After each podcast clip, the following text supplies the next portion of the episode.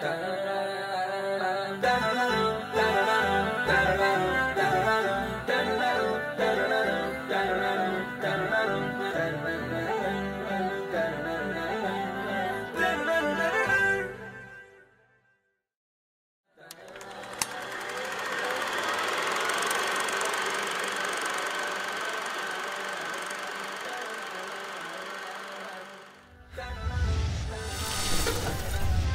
بسم الله الرحمن الرحيم الحمد لله رب العالمين والصلاة والسلام على نبينا وحبيبنا وسيدنا محمد بن عبد الله اللهم صل وسلم عليه وعلى آله وأصحابه أجمعين آه وبعد أيها الإخوة الكرام هذا اللقاء آه يعني بتحدث فيه عن آه آه مشروع تعظيم قدر الصلاة يعني و يعني المراحل والخطوات التي وفق الله سبحانه وتعالى يعني إلى تنفيذها وإلى إجرائها. أول جزئية أنا ودي أن أذكرها للإخوة من يشاهدني هذا الأمر أنه لا حول لنا ولا قوة إلا بالله سبحانه وتعالى.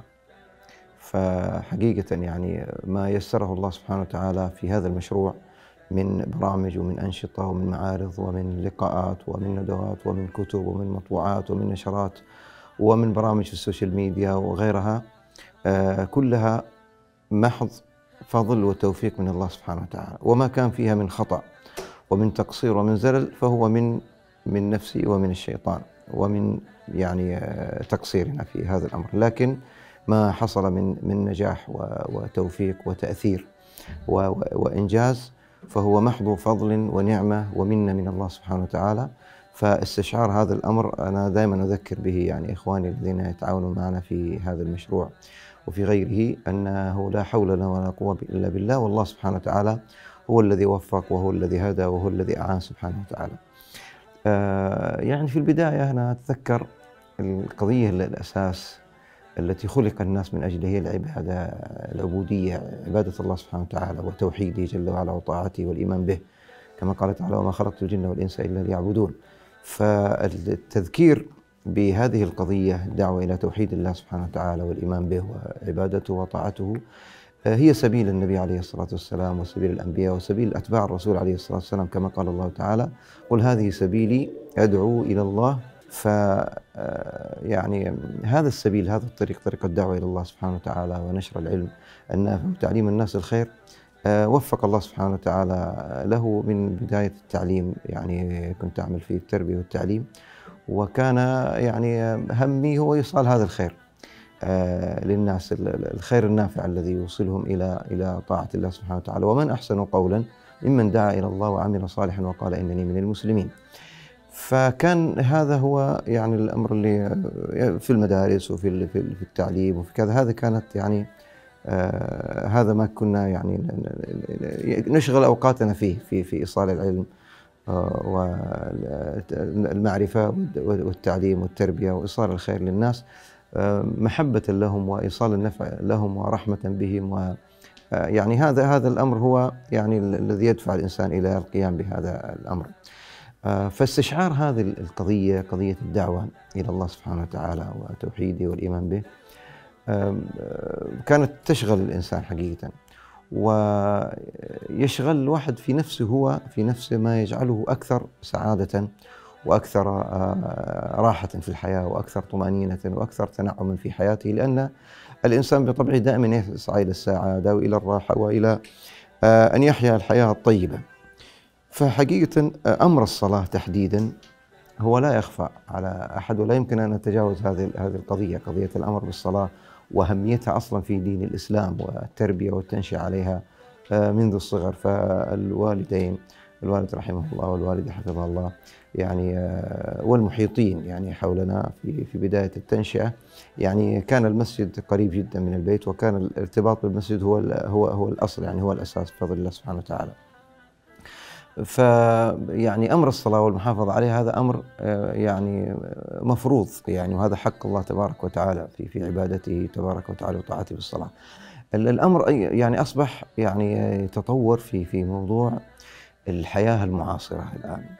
ويمكن أنا أتذكر من المواقف المؤثرة اللي أثرت فيه وكانت ربما تكون يعني من بدايات الموضوع تعظيم قدر الصلاة والدعوة إلى هذا الشيء آه، البرامج تطوير الذات والتنمية البشرية وبداية يعني وصولها ومشاركتي فيها في عام 420 أو 21 آه، حقيقة في أولى الدورات اللي حضرتها شعرت بأنه ما يقدم في دورات تطوير الذات وتحقيق السعادة الشخصية وما يتعلق بالتطوير الشخصي إنه في عندنا في ديننا في الإسلام ما يكفل لنا هذا الأمر، يعني كنت في داخل نفسي أقصد إنه في في يعني في كفاية في غنى في غنى عن استيراد آه، ما يسبب للإنسان السعادة أو الطمأنينة.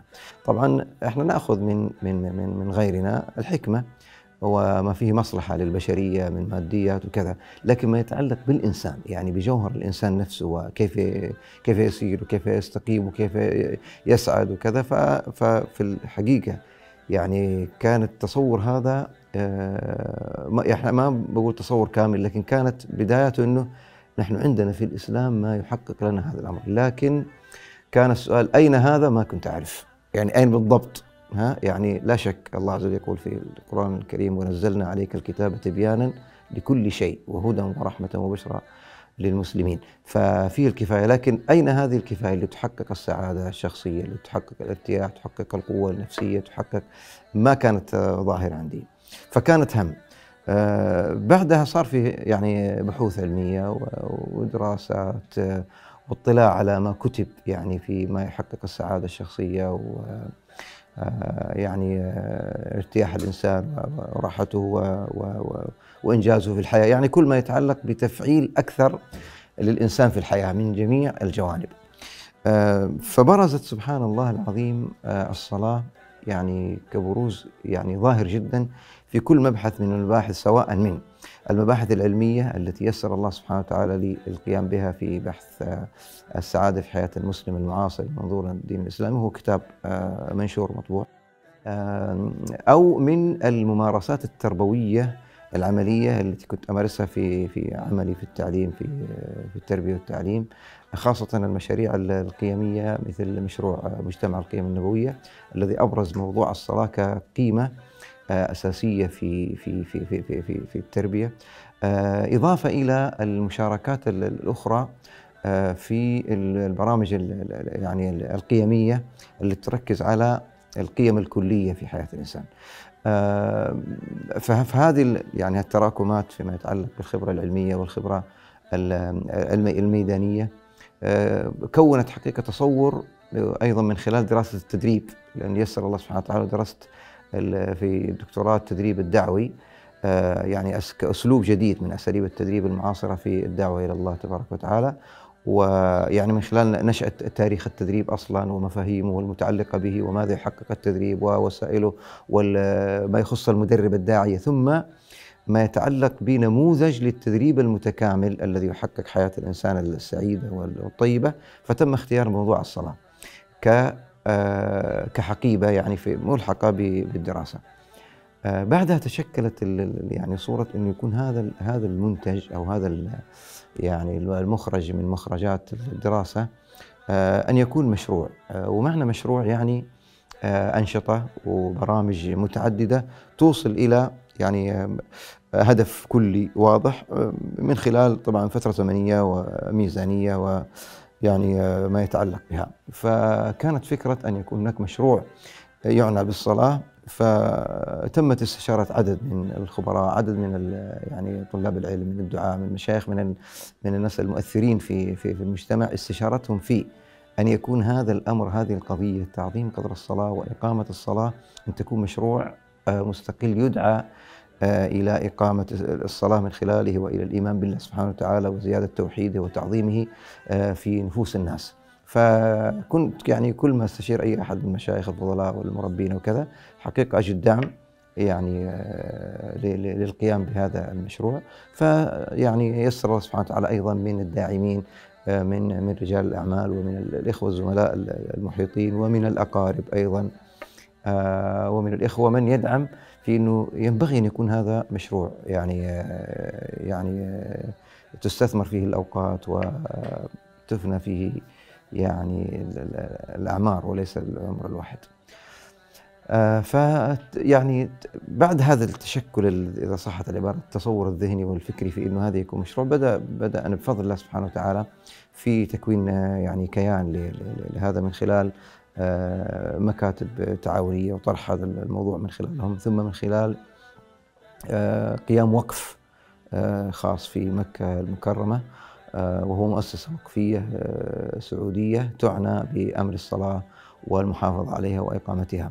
فتشكل يعني هذا الوقف وهو على صورته النهائيه الآن في في مكة تقديم هذا هذا المشروع أنا أذكر من خلال يعني الأمور التي يعني يسر الله سبحانه وتعالى أن يسير عليها المشروع هو آه، حقيقة الأربع مسارات في هذا المشروع المسار الأول الذي يسر الله سبحانه وتعالى كان به هو مسار التدريب والمحاضرات المباشرة والكلمات والخطب يعني مقابلة مباشرة للجمهور من خلال إما دورات تدريبية أو من خلال محاضرات في تعظيم قضاء الصلاة أو من خلال كلمات أو من خلال خطب. وهذه من يعني خلال ال 11 سنة الماضية بفضل الله سبحانه وتعالى تم إقامة عدد كبير جدا منها من خلال طلبات ورغبات الإخوة الذين يسمعون عن هذا عن هذا البرنامج آه، سواء يعني في في كل الجهات بفضل سبحانه وتعالى الراغبة لتطبيق المشروع سواء كانت جامعات أو أو آه، مؤسسات تعليمية أو إدارات تعليم آه، أو كيانات مستقلة كجمعيات أو غيرها. بل حتى أحيانا المندوبيات الأسرية الاجتماعية يعني يقدم هذا يعني هذا المشروع من خلال ديوانية ومن خلال ما يطرح فيه من برامج متعددة. آه هذا المسار الأول الذي هو مسار التدريب ومسار المحاضرة وجد وجد أن لهذا المسار الأول مسار التدريب وبخاصة التدريب آه أثر كبير جدا في في إيصال المفاهيم بل وفي التغيير التغيير المتعلق بمفاهيم الصلاة وأثرها في حياة الإنسان لأنه الدورة التدريبية اللي تقدم تقدم خلال يومين ثمان ساعات بحقيبة تدريبية مبنية بناء منهجي فيها أنشطة فيها تدريبات فيها استبانات قبلية واستبانات بعدية. يعني المتدرب الذي يحضر هذه الدورة آه، يخرج بانطباع مختلف فيما يتعلق بإقامة الصلاة. والمعين هو الله سبحانه وتعالى هو الموفق لذلك. آه، هذا المسار الأول. المسار الثاني مسار التأليف والبحث والنشر لما يتعلق بالصلاة من خلال طرح يعني آه، معاصر الآن. فكان في بعض المباحث اللي الناس في احتياج لها وظهر هذا الاحتياج من خلال اللقاءات مع الناس في الدورات التدريبية وغيرها. يعني آه، في كتب خاصة بمعاني أقوال الصلاة وأفعالها. آه، في كتب خاصة بمعاني آه، مثلا كتاب سجود قلب في كتاب يعني الفاتحة يعني تفسير سورة الفاتحة تفسير موجز لسورة الفاتحة في كتاب للتدريب الدعوي اللي هو التدريب على الصلاة في كتاب صلاتنا حياة اللي هو المادة الأساسية في في المشروع وغيرها من الكتب. فهذا مسار في كتاب محاضرات في تعظيم قدر الصلاة وكتاب خطب لتعظيم قدر الصلاة يعني هذا مسار غير المسار الأول هذا المسار يحقق فائدة آه يعني إيصال المادة العلمية لتعظيم قدر الصلاة للمهتمين من الدعاء والمربين والمعلمين والخطباء وغيرهم فيما فيما يناسبهم كمواد جاهزة ينفذونها. آه المسار الثالث هو مسار برامج ال social media المعاصرة الآن يعني برامج التويتر وتليجرام والانستغرام وتيك توك وفيسبوك والموقع الإلكتروني وهذه البرامج الإلكترونية. آه، طبعا هذه آه، ميزتها إنها توصل توصيل مباشر وأيضا تصل إلى الناس في في في يعني في مختلف ظروفهم وأحوالهم. وفيها جانب أيضا جانب تذكيري ما يأخذ وقت. يعني برامج المقاطع الفيديو مثلا التي عملت في آه، في المشروع أو الرسائل أو اللوحات التصميمية أو كذا. هذه الهدف منها التذكير.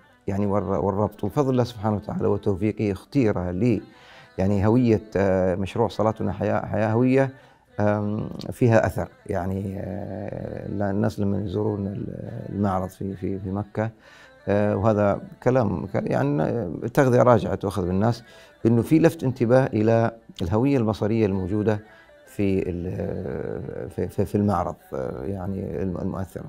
هذا المسار الثالث اللي هو مسار السوشيال ميديا. المسار الرابع مسار المعرض وإحنا سميناه مسار خاص لأن المعرض معرض معراج الأنبياء يعني هكذا سمي معراج الأنبياء. فيه منهجية جديدة حقيقة في طرح ما يتعلق بالصلاة من خلال عدد من الأركان. الركن الأول يتناول صلاة الأنبياء والتذكير بها لأنه مما جاء في القرآن الكريم في تعظيم قدر الصلاة. طبعا جاء الأمر بإقامة الصلاة والمحافظة عليها وبيان أثرها. على المسلم وجاء بيان أن الصلاة افترضت على سائر الأنبياء والمرسلين قبل نبينا محمد عليه الصلاة والسلام. فكان المعرض أول افتتح بالصلاة الأنبياء وما ذكره الله عز وجل عن صلاة الأنبياء جميعا كما ذكر تبارك وتعالى في سورة آه، مريم. أولئك الذين أنعم الله عليهم من النبيين من ذرية آدم وممن حملنا مع نوح ومن ذرية إبراهيم وإسرائيل وممن هدينا واجتبينا إذا تتلى عليهم آيات الرحمن. خروا سجدا وبكيا فخلف من بعدهم خلف أضاعوا الصلاة واتبعوا الشهوات فسوف يلقون غيا. فكان الجناح الأول يستعرض يعني إبراهيم عليه السلام وعيسى وإسماعيل عليه السلام وشعيب وموسى وهارون وداود وزكريا. وعيسى عليه السلام ونبينا محمد صلى الله عليه وسلم بكل الآيات آه، وبذات يعني طابع مؤثر خلال صورة وصوت قارئ يعني آه، مؤثر في هذه الآيات. هذا ثم المرحلة الثانية مرحلة آه، يعني مراحل فرض الصلاة على الأمة المحمدية ابتداء من بداية الوحي واستمرارا بالأمر بقيام الليل ثم فريضة السماء والإسراء والمعراج ثم ركن خاص بروح الصلاة. ما يتعلق بروح الصلاة يعني المعاني القلبية التي ينبغي أن يستشعرها المصلي في الصلاة. ثم ركن خاص بأثر الصلاة في حياة المسلم. ثم الركن الأخير في القاعة هو آه، فقه الصلاة من خلال الشروط والأركان والواجبات والسنن وغير ذلك. فهذه المسارات هي المسارات التي قدمت لموضوع تعظيم قدر الصلاة. آه، هذا حقيقة ما دار في ذهني من خلال يعني ما يتعلق بمشروع تعظيم قدر الصلاة. وأشكر لكم يعني الإخوة القائمين على هذا البرنامج آه، تعاونكم في يعني تسجيل هذا اللقاء. وأسأل الله سبحانه وتعالى أن يكون يعني ما ذكر فيه فائدة وأن يكون داعما لإيصال رسالة تعظيم قدر الصلاة إلى الجميع آه هذا وأسأل الله سبحانه وتعالى أن يوفقنا وإياكم. وجزاكم الله خير وبارك الله فيكم جميعا. اللهم صل وسلم على نبينا محمد وآله وأصحابه أجمعين.